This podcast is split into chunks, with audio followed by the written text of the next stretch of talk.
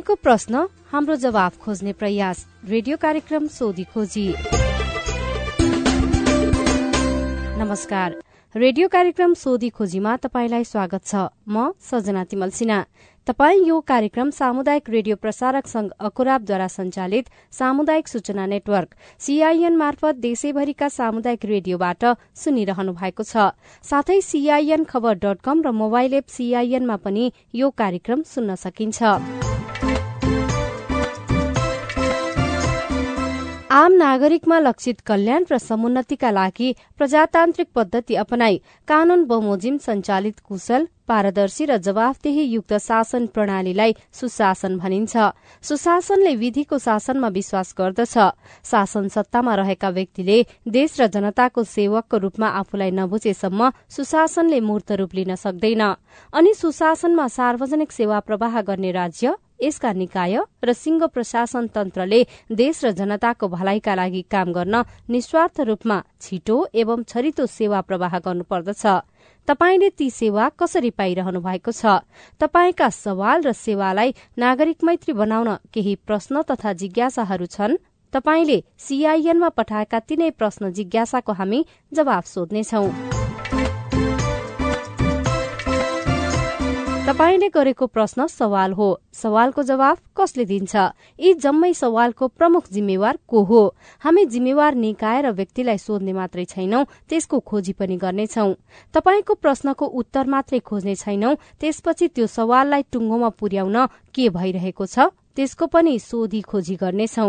हाम्रो telephone number शून्य एक बान्न साठी छ चार छमा फोन गरेर रेकर्ड गर्नुहोस्। यो नम्बरमा तपाईँले जुनसुकै बेला फोन गरेर आफ्ना प्रश्न रेकर्ड गर्न सक्नुहुनेछ। तपाई प्रश्न राख्नुहोस् हामी जवाब खोज्नेछौ कार्यक्रम सोधी खोजीमा देश संघीयतामा गएपछि सात सय त्रिपन्नवटा स्थानीय सरकार छन्। सात प्रदेश सरकार र केन्द्रमा संघीय सरकार छ। संघ प्रदेश र स्थानीय सरकारबाट सम्पादन हुने काममा ढिलासुस्ती छ अनियमितता भएको छ नियम मिचेर कसैले काम गरेको छ भने तपाईँले ती गुनासा सीआईएनमा राख्न सक्नुहुनेछ। घर दैलोमा सरकार पुगेपछि नागरिकले प्रभावकारी सेवा पाउने र विकासको कामले प्राथमिकता पाउने आशा गरिएको थियो। के नागरिकले त्यही आशा अनुसारको सेवा पाइरहेका छन्? छैनन् भने ती प्रश्न पनि तपाईँले राख्न सक्नुहुनेछ। आज हामीसँग स्वास्थ्य शिक्षा लगायतका विविध विषयमा आएका प्रश्न अनि ती प्रश्नको जवाब छन्।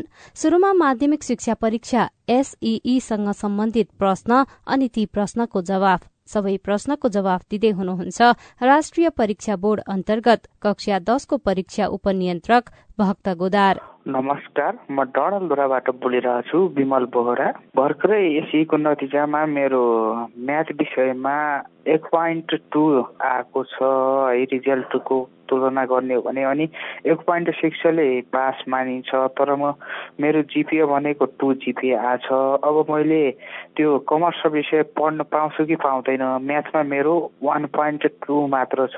तर मैले अब पाउँछु कि पाउँदैन स्पष्ट पारिदिनु होला। समग्रमा वान पोइन्ट सिक्स आएपछि पढ्न पाइन्छ? साइन्स बाहे साइन्स र म्याथ बाहेकको अरू विषय पढ्न पाउने जस्तो छ। उहाँले कमर्स पढ्न पाउँछु कि पाउँदिन पाउनुहुन्छ पाउनुहुन्छ। वान पोइन्ट सिक्स समग्रमा आएपछि म्याथ र साइन्स बाहेकको अरू विषय चाहिँ उहाँले पढ्न पाउनुहुन्छ। योभन्दा कम अथवा धेरै आयो भने अरू कुन कुन विषय पढ्न पाइन्छ पढ्नको लागि साइन्स कम्तीमा पनि साइन्समा के अरे साइन्स म्याथ र इङ्ग्लिसमा सी प्लस आउनुपर्छ।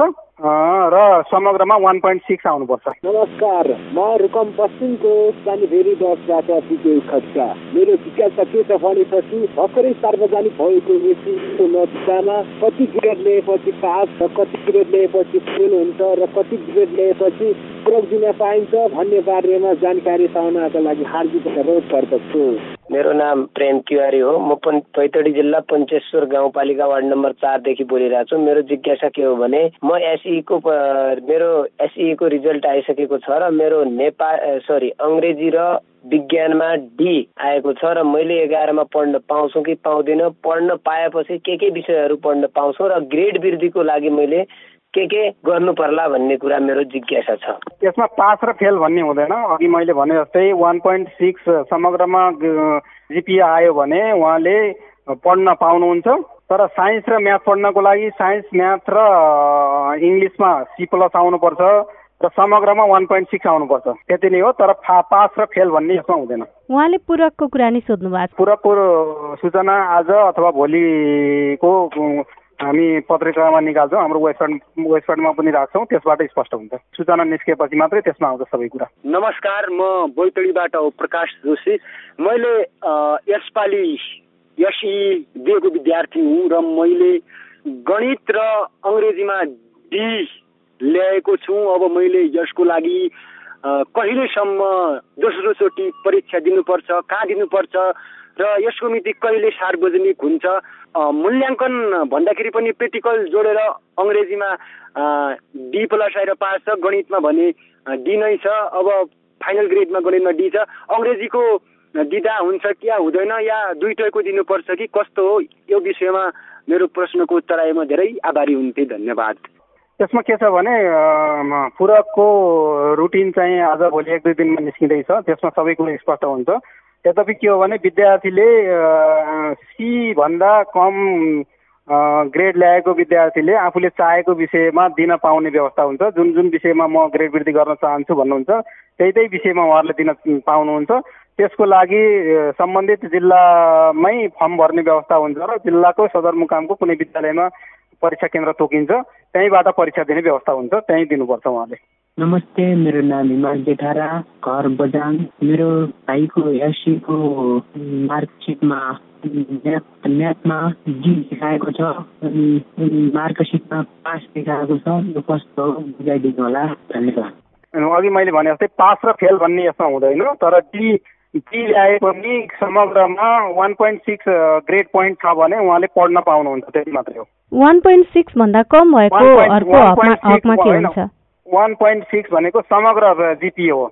एउटा विषयको कुरा होइन एउटा वान उहाँले उहाँले चाहिँ म्याथमा डी ल्याउनु भयो तर समग्र grade point one point six छ भने उहाँले चाहिँ म्याथ बाहेकको म्याथ र साइन्स बाहेकको अन्य विषय पढ्न पाउनुहुन्छ। यो वान पोइन्ट सिक्स भन्दा कम आएकाहरूको हकमा चाहिँ के हुन्छ? वान पोइन्ट सिक्स समग्र ग्रेडमा वान पोइन्ट सिक्स भन्दा कम आयो भने उहाँले अब यही ग्रेड वृद्धि परीक्षामा ग्रेड दिएर वान पोइन्ट सिक्स समग्रमा ल्याउने प्रयास गर्नु पर्यो। त्यसमा पनि दुईवटा भन्दा धेरैमा दिन नपाउने भन्ने हुन्छ होला। अब त्यो आज सूचना आज भोलिमा सूचना निस्किन्छ त्यसमा स्पष्ट हुन्छ कति विषय दिन पाउने भन्ने। त्यति बेला मात्रै अब भन्न सक्ने नमस्कार म बाजुराको हो। मेरो प्रश्न कति विषय लागेपछि दिन पाइन्छ? त्यही यो पनि त्यही हो। अब आज भोलिमा सूचना निस्किँदैछ। आज सायद आज निर्णय हुन्छ होला। अब भोलि अथवा आज सूचना निस्किन्छ। त्यसपछि त्यही त्यही सूचनामा क्लियर हुन्छ। त्यसपछि मात्रै त्यो सूचनामा जे भनेको छ जति विषय दिने दिन पाउने व्यवस्था हुन्छ त्यही अनुसार दिने हो। यसभन्दा अगाडि दुईवटा विषयमा चाहिँ नै ग्रेड वृद्धि गर्न पाउने भन्ने थियो होइन? थियो थियो। अहिले परिमार्जन गर्न लागि हो। अब होइन परिमार्जन गर्न लागेको भन्दा पनि यो विगतमा चाहिँ कस्तो रहेछ भने पहिला दुई विषय मात्रै भन्ने थियो। बिचमा एक वर्ष चाहिँ फेरि सबै विषयमा पनि दिने व्यवस्था गरिएको रहेछ। त्यसले गर्दाखेरि अब आज भोलिमा अब निर्णय भएर सूचना निस्केपछि मात्रै अब त्यहाँ कति विषय भन्ने त्यहीँ खुल्छ। नमस्कार म डडेलधुरा जिल्लाबाट लोपेन्द्र ठौराटी बोलेको। मेरो एसईको नतिजामा दुईवटा विषयमा डिग्रेड आएको छ। त्यो डिग्रेडलाई पास मान्ने कि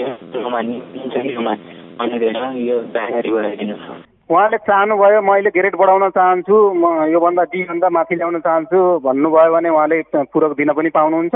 यदि उहाँले नदिएर उहाँको समग्र ग्रेड वान पोइन्ट सिक्स छ भने त्यसैलाई कन्टिन्यू गरेर पढ्न पनि पाउनुहुन्छ। विकल्प खुला छ। नमस्कार म जाजरकोट क्षेत्रघाट वार्ड नम्बर आठदेखि तेज हाल प्रकाशित कक्षा दसको माध्यमिक परीक्षाको रिजल्ट प्रकाशित भइसकेपछि यदि कुनै विषयमा चित्तबुद्ध जिपिए नआएमा पुनः निवेदन दिने भन्ने सुनियो यसको लागि सो विषयको परीक्षा फेरि दिनुपर्छ कि पर्दैन? जान्न पाए। आभारी हुने थिए। धन्यवाद। सी भन्दा कम ग्रेड ल्याउने परीक्षार्थीले आफूले चाहेको विषयमा ग्रेड वृद्धि गर्न चाहनुभयो भने त्यो ग्रेड वृद्धिमा समा परीक्षामा समावेश हुन पाउने व्यवस्था छ। र उहाँले त्यसैमा चित्त बुझाएर म पढाइलाई कन्टिन्यू गर्छु भन्न पनि पाउनुहुन्छ। त्यो दुइटै विकल्प चाहिँ खुल्ला छ। नमस्कार म बाजुराबाट सबिन खड्का। यो हाम्रो कक्षा दसको रिजल्ट प्रकाशन भइसकेको छ। अनि यो रिजल्ट प्रकाशन भइसके पश्चात यो कति विषय लागेको विद्यार्थीहरूले इक्जाम दिन पाउँदैनन् र पूरक परीक्षामा कति विषय लागेको विद्यार्थीहरूले सहभागिता हुन पाउँछन् यसबारेमा जान्न पाए आभारी हुन्थे। अब दुई दुई विषय कन्फर्म हो। सीभन्दा कमको दुई विषयले कन्फर्म हो। त्योभन्दा माथि अब सबै दिने निर्णय भयो बोर्डबाट भने अब त्यो सूचनामै हेर्नुपर्ने हुन्छ।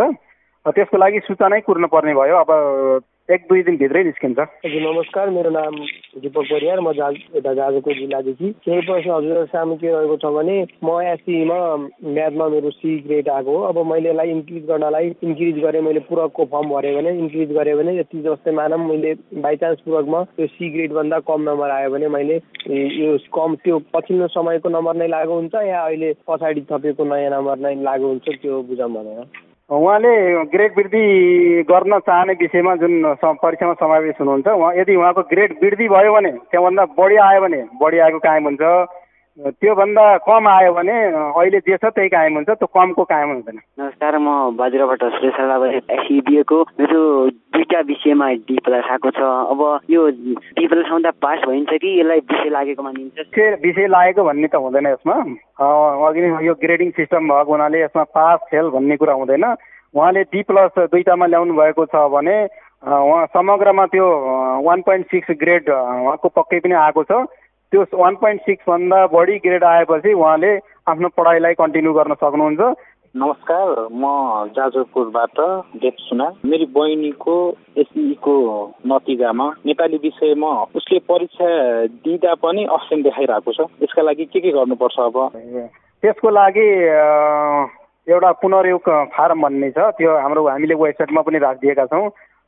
त्यो पुनर्योगको फारम भरेर उहाँले जिल्लाबाट पठाउँदा पनि हुन्छ अथवा यहीँ आएर चाहिँ मेरो यसरी एब्सेन्ट भयो हेरिदिनु भन्नुभयो भने हामी चाहिँ त्यो एक दुई दिनभित्रै हेरेर उहाँको रिजल्ट प्रकाशित गरिदिन्छौँ तर उहाँ त यहाँको होइन जाजरकोटको हुनुहुन्छ यतिको लागि भने के गर्नु पर्यो भने विद्यालय विद्यालयबाट सेन्टर खुलेको फलानो विद्यार्थीको फलानो सेन्टरबाट परीक्षा दिएको यो सिम्बल नम्बर भएको विद्यार्थीको यसरी चाहिँ नेपाली विषयमा अनुपस्थित देखाएको हुनाले उहाँको रिजल्ट चाहिँ खोजेर प्रकाशित गरिदिनु हुन भनेर विद्यालयले एउटा सिफारिस लेखेर हाम्रो मेलमा कनिकाको SE grade ten at the rate Gmail dot com भन्ने हाम्रो इमेल ठेगाना छ त्यहाँ पठाइदिनु भयो भने पनि त्यहाँबाट हामीले खोजेर हेर्न सक्छौँ। पुनर्योगको कुरा हुनसक्छ पुनर्योगको व्यवस्था हामीले जिल्लाबाट पनि दिन पाउने यहीँ आएर सोझै दिन पाउने पनि व्यवस्था गरेका छौँ। त्यसको लागि सत्ताइस गतेसम्मको म्याद छ।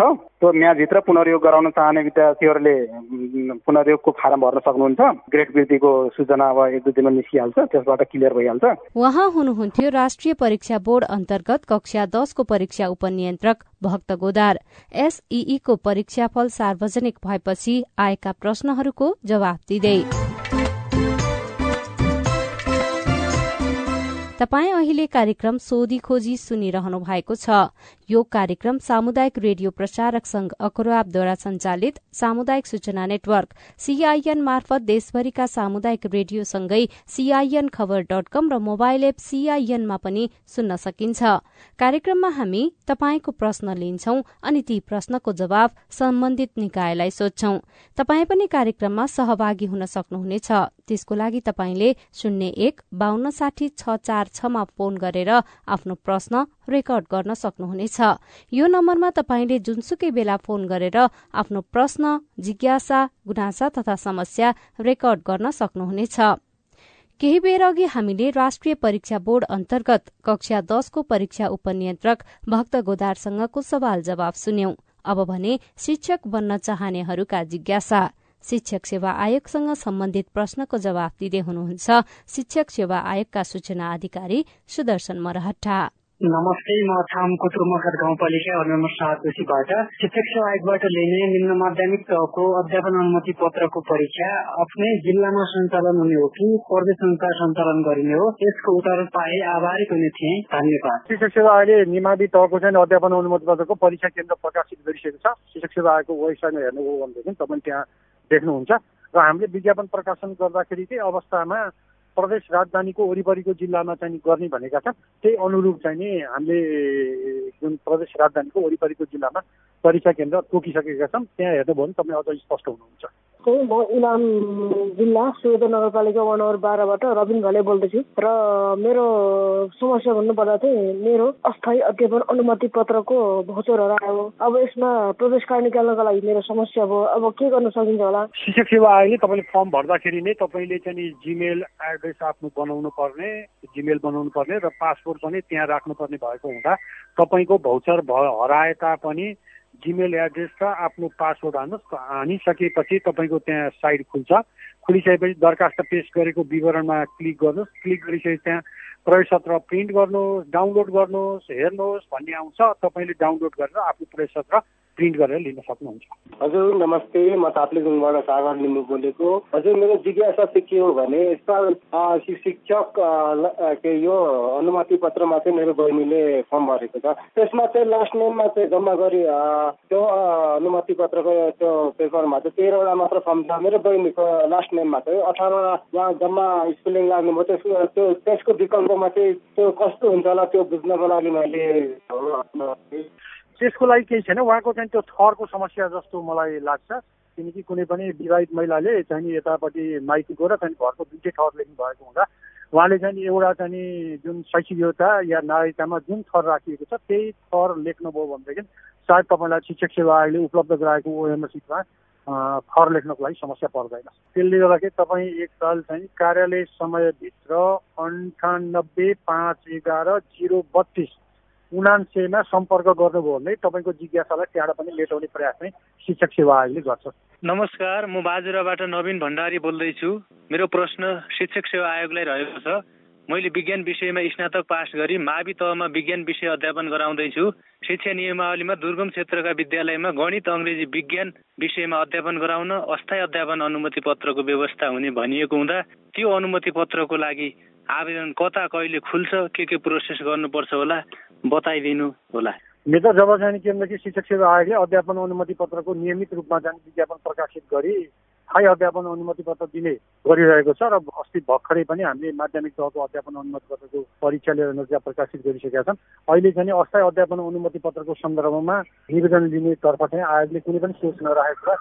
तपाईँलाई चाहिँ म जानकारी गराउन चाहन्छु हेलो नमस्ते म तिनपाटन आठ सिन्धुलीबाट रामकुमार तामाङ बोलेको। मेरो प्रश्न शिक्षक सेवा आयोगलाई छ अब खुल्ने यो मङ्सिरमा खुल्छ भन्ने शिक्षक सेवा आयोगको परीक्षामा फेरि सिलेबस परिवर्तन हुन्छ कि हुँदैन? नमस्ते यो जानकारी पाउन पाए आभारी हुने थियो धन्यवाद। शिक्षक सेवा आयोगले अहिले चाहिँ कुनै पनि तहको पाठ्यक्रम परिवर्तन गर्ने सोचमा चाहिँ नरहेको हुँदा तपाईँ पुरानै पाठ्यक्रमबाट आफ्नो तयारी सुरु गर्नको लागि चाहिँ म अनुरोध गर्दछु। उहाँ हुनुहुन्थ्यो शिक्षक सेवा आयोगका सूचना अधिकारी सुदर्शन मरहट्टा।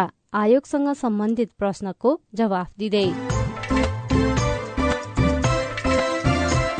अब अरू प्रसङ्ग नमस्कार मेरो नाम कमल नेपाली। म चाहिँ अब मृगला पीडित घर जुम्ला जिल्ला तथन गाउँपालिका वडा नम्बर पाँच हाल नेपाल अन्तर्गत मेरो प्रश्न यस प्रकारको छ। नेपाल सरकारले मृत्यु मृगला पक्षघातका लागि मासिक भत्ता दिनु भनेको थियो। कहाँबाट पाइन्छ कसरी पाइन्छ र कुन कुन कागज पत्र तयार गर्नुपर्छ? म आभारी हुने थिएँ। तपाईँको जिज्ञासा मेटाइदिनका लागि हामीले स्वास्थ्य तथा जनसंख्या मन्त्रालयका सहप्रवक्ता डाक्टर समीर कुमार अधिकारीलाई अनुरोध गरेका छौं। मासिक रूपमा पाँच हजार रुपियाँ दिने भन्ने सन्दर्भमा चारवटा समस्या स्वास्थ्य समस्या जुन तपाईँले भन्नुभयो। त्यही चारवटा स्वास्थ्य समस्या भएका व्यक्तिहरूलाई मासिक पाँच हजार रुपियाँ उपलब्ध गराउने भन्ने सन्दर्भमा बजेटको व्यवस्थापन र त्यसको कार्यविधि कसरी दिने कस्तो व्यक्तिलाई दिने कसरी उपलब्ध गराउने भन्ने सन्दर्भमा कार्यविधि पनि बनिसकेको अवस्था छ। हालको लागि तपाईँ हामीले त्यस्तो भएको त्यो जुन चारवटा समस्या भनेका छौँ त्यो स्वास्थ्य समस्या भएको आधार प्रमाण लिएर आफ्नो स्थानीय तहमा सम्पर्क स्थानीय वडा मार्फत स्थानीय तहमा सम्पर्क गर्नुपर्ने हुन्छ उहाँहरूले सबैको विवरण लगत तयार गरिसकेपछि त्यसकै आधारमा स्थानीय स्टोर्सबाट क्रमशः रकम उपलब्ध गराउँदै जानुहुन्छ र पछि स्वास्थ्य मन्त्रालय मार्फत शोध गर्न सम्बन्धित स्थानीय तहलाई शोध गर्न उपलब्ध हुन्छ यसको अब कार्यविधि पनि बनिसकेको बजेट व्यवस्थापन पनि भइसकेको हिसाबले अब कार्यान्वयनको चरणमा अगाडि जाने सन्दर्भमा स्थानीय तहहरूबाट लगत सङ्कलन गर्ने र उहाँहरूको खाता विवरणहरू अपडेट गरेर राख्ने र पैसा लिनका लागि सधैँ ती स्थानीय तहमै सम्पर्क गर्नुपर्ने अवस्था हुँदैन। त्यो खातामा रेगुलरली उपलब्ध गराउने व्यवस्था हुने गरी कार्यविधिमा उल्लेख भएको छ। हेलो मेरो नाम लिलबहादुर सावन्त बागलुङ जिल्ला। बरिघाट गाउँपालिका वार्ड नम्बर एक नौ टुवाबाट अनि म वैदेशिक रोजगारको सिलसिलामा विदेश जानको लागि काठमाडौँ गैरीधारामा रहेको फ्युचर मेन पावर कम्पनीमा गएको थिएँ र त्यहाँ इन्टरभ्यू दिएर मलाई युरोप लैजान्छु भनेर त्यहाँ इन्टरभ्यू लिएर इन्टरभ्यूमा पास गराएर अनि किचन हेल्परमा जाने भनेर चाहिँ पास लिस्ट निकालेर त्यसपछि उहाँहरूले पैसा माग्नुभयो अनि मैले पैसा दिएँ। तर आज उहाँहरूले मलाई भिसा पनि निकाल्नु भएन। पैसा माग्दाखेरि उहाँले चाहिँ त्यो मान्छेलाई माग हामीसँग सम्बन्ध तेरो छैन भनेर चाहिँ भन्नुहुन्छ र त्यो मान्छेसँग फोन गर्दा अनि त्यो मान्छेले फोन पनि उठाउँदैन। र एक हप्तापछि भिसा निस्किन्छ। या त भिसा ननिक्ले पैसा फिर्ता गर्छु भनेर चाहिँ भन्नुभएको थियो। न त पैसा दिनुभयो न फोन उठाउनुहुन्छ। र मेन पावरमा फोन गर्दा उहाँले चाहिँ उसैलाई भन हामीलाई चाहिँ अर्को चाहिँ अर्को ठाउँमा जाने हो भने अरू पैसा तिरेर जानुपर्छ हामीलाई थाहा छैन भन्ने कुरा गर्नुहुन्छ। प्लिज मलाई यसमा सहायता गर्नुहोला। धन्यवाद। जवाफ दिँदै हुनुहुन्छ वैदेशिक रोजगार विभागका सूचना अधिकारी कृष्ण प्रसाद भूषाल पक्कै पनि हामी सहायता गर्छौँ। तपाईँले भनेको मेन पावरमा यदि पैसा बुझाउनु भएको हो पासपोर्ट बुझाउनु भएको हो भने त्यसको प्रमाणसहित तपाईँले वैदेशिक रोजगार विभागमा उजुरी गरिदिनुहोस्। उजुरी गरिसकेपछि त्यो छानबिनको क्रममा जान्छ र तपाईँहरू चाहिँ न्याय पाउनुहुन्छ भन्ने मैले विश्वास दिलाउन चाहन्छु। के गर्नु भएको छ? मेन पावर कम्पनीलाई नै दिनुभएको भए उजुरी गरिसकेपछि हामी मेन पावरलाई तत्कालै बोलाएर हामी चाहिँ अब डिस्कस गर्छौँ र त्यसपछि चाहिँ उहाँलाई चाहिँ क्षतिपूर्ति समेत दिलाउने गरी चाहिँ हामी पहल गर्दैछौँ। तर कुनै अमुक व्यक्तिलाई दिनुभयो त्यसको प्रमाण केही पनि राख्नु भएको छैन भने चाहिँ त्यो पैसा फिर्ता पाउन गाह्रो हुन सक्छ। कार म सङ्खुसभा जिल्ला खातबारी नगरपालिका वार्ड नम्बर छ तल्लु पाङ्खादेखि बोल्दैछु। मलेसिया जानको लागि सुन्न लागतमा जान पाइन्छ भनेर रेडियो यो सिआइएन कार्यक्रममै सुनिन्छ। यो कुरा हो कि होइन यसको लागि हामीलाई स्पष्ट बनाइदिनु भयो हुन्थ्यो। तपाईँको जिज्ञासा पनि हामीले भूषाललाई नै सुनाएका छौँ। मलेसिया लगायत केही खाडी देशहरूलाई चाहिँ फ्री टिकट फ्री भिसाको चाहिँ व्यवस्था गरेको छ। त्यो उनीहरूले मलेसिया जानलाई कतिपय कम्पनीहरूले चाहिँ फ्री भिसामै पठाएको देखिन्छ। तपाईँले चाहिँ सम्बन्धित मेन पावरसँग चाहिँ सम्पर्क गरेर अब अप्नाउनु पुऱ्याउनु पर्ने सबै प्रक्रिया पुऱ्याएर चाहिँ जानुहोला। यी कम्पनी भन्ने चाहिँ छैन तर जान चाहिँ सकिन्छ। मेरो नाम अमृत शाह हो। मेरो घर म भाङ्गा नगरपालिका वार्ड नम्बर सातमा पर्छ। मैले तिन दुई हजार एकसठी सालमा विदेश गएको बिहे गरेर दुईटा छोरी थियो अनि विदेशबाट चार वर्षपछि आएपछि मेरो मनमानी गर्दाखेरि म त्यही कुरामा विवाह गर्दाखेरि चाहिँ मसँग छुट्टै बसेर आएको माइत बसिरहेको मेरो पुरै सम्पत्ति लिएर म मसँग बसिरहेको थिएन न छुट्टा पत्र गराउँथिन केही। अनि मैले अर्को कान्छी श्रीमती ल्याएर बिहे गरियो। अनि कान्छी श्रीमतीबाट चाहिँ दुईटा छोरा एउटा छोरी भएछ यो बच्चाहरूको चाहिँ जन्म बिहामा यो कान्छी बुढीको बिहा दर्ता भइरहेको छैन। न विदर्ता बनाइदिएछ सरकारले गाउँको वडाध्यक्षहरूले। बच्चाहरूको जन्म दर्ता भइरहेको छ। हाम्रो यो कान्छी बुढीको जीवन पत्र भयो, बच्चाहरूको जीवन पत्र भयो। कसरी यो बच्चाहरू पढ्न लेख्न सक्छ? मेरो बच्चाहरूलाई जन्म दिए जन्म दर्ता नागरिकता बनाइदिनु बिहा यो कान्छी बुढीलाई बिहा दर्ता नागरिकता बनाइदिनु मैं सरकारला ज़िंदगी से चढ़ाऊ मैं सारे लाचारी जला मजूरी काम करे जीवन आसन गरिराखेको छु यो बच्चाहरूको उज्जवल पारिदिनुहोस् बनाइदिनुहोस् मेरो तपाईँको समस्या सुनेपछि जिल्ला प्रशासन कार्यालय महोत्तरीका सहायक प्रमुख जिल्ला अधिकारी उपेन्द्र नेउपानेको जवाब छ। जुन प्रश्न राख्नुभयो उहाँ भङ्गा भन्नुहुन्छ महोत्तरीको भङ्गा नगरपालिका वडा नम्बर सातको उहाँले एकसठी सालमा मैले पहिलो विवाह गरेँ र म विदेश गएँ। चार वर्ष पछाडि म विदेशबाट आएँ। मेरो बच्चा बच्ची जन्मे। मैले पठाएको सम्पत्ति चाहिँ सबै जेठीले खाइदिए त्यस पछाडि मैले कान्छी श्रीमती बिहे गरेँ र श्रीमती त्यसबाट बच्चा पनि भए र मेरो श्रीमतीको विवाह दर्ता नि भएन बच्चाको जन्म दर्ता नि भएन भन्ने जुन सवाल छ उहाँले दोस्रो विवाह कहिले गर्नुभयो उहाँले चाहिँ ठ्याक्क मिति बताउनु भएको छैन। यदि मिति नबताएको हुँदाखेरि उहाँले चाहिँ नजिक जस्तै हामी जिल्ला प्रशासन कार्यालय जलेश्वरमा आएर उहाँले चाहिँ आफ्नो सबै विषय राख्नुभयो भनेदेखि हामीले सम्बन्धित ठाउँमा जस्तै भङ्गा नगरपालिकाको वडा कार्यालयको वडा सचिव वडा अध्यक्षमा हामीले त्यहाँ समन्वय गरेर के भएको हो किन हुन नसक्यो भनेर हामीले बुझेर त्यो समाधान गर्न चाहिँ हामी पहल गर्छौँ।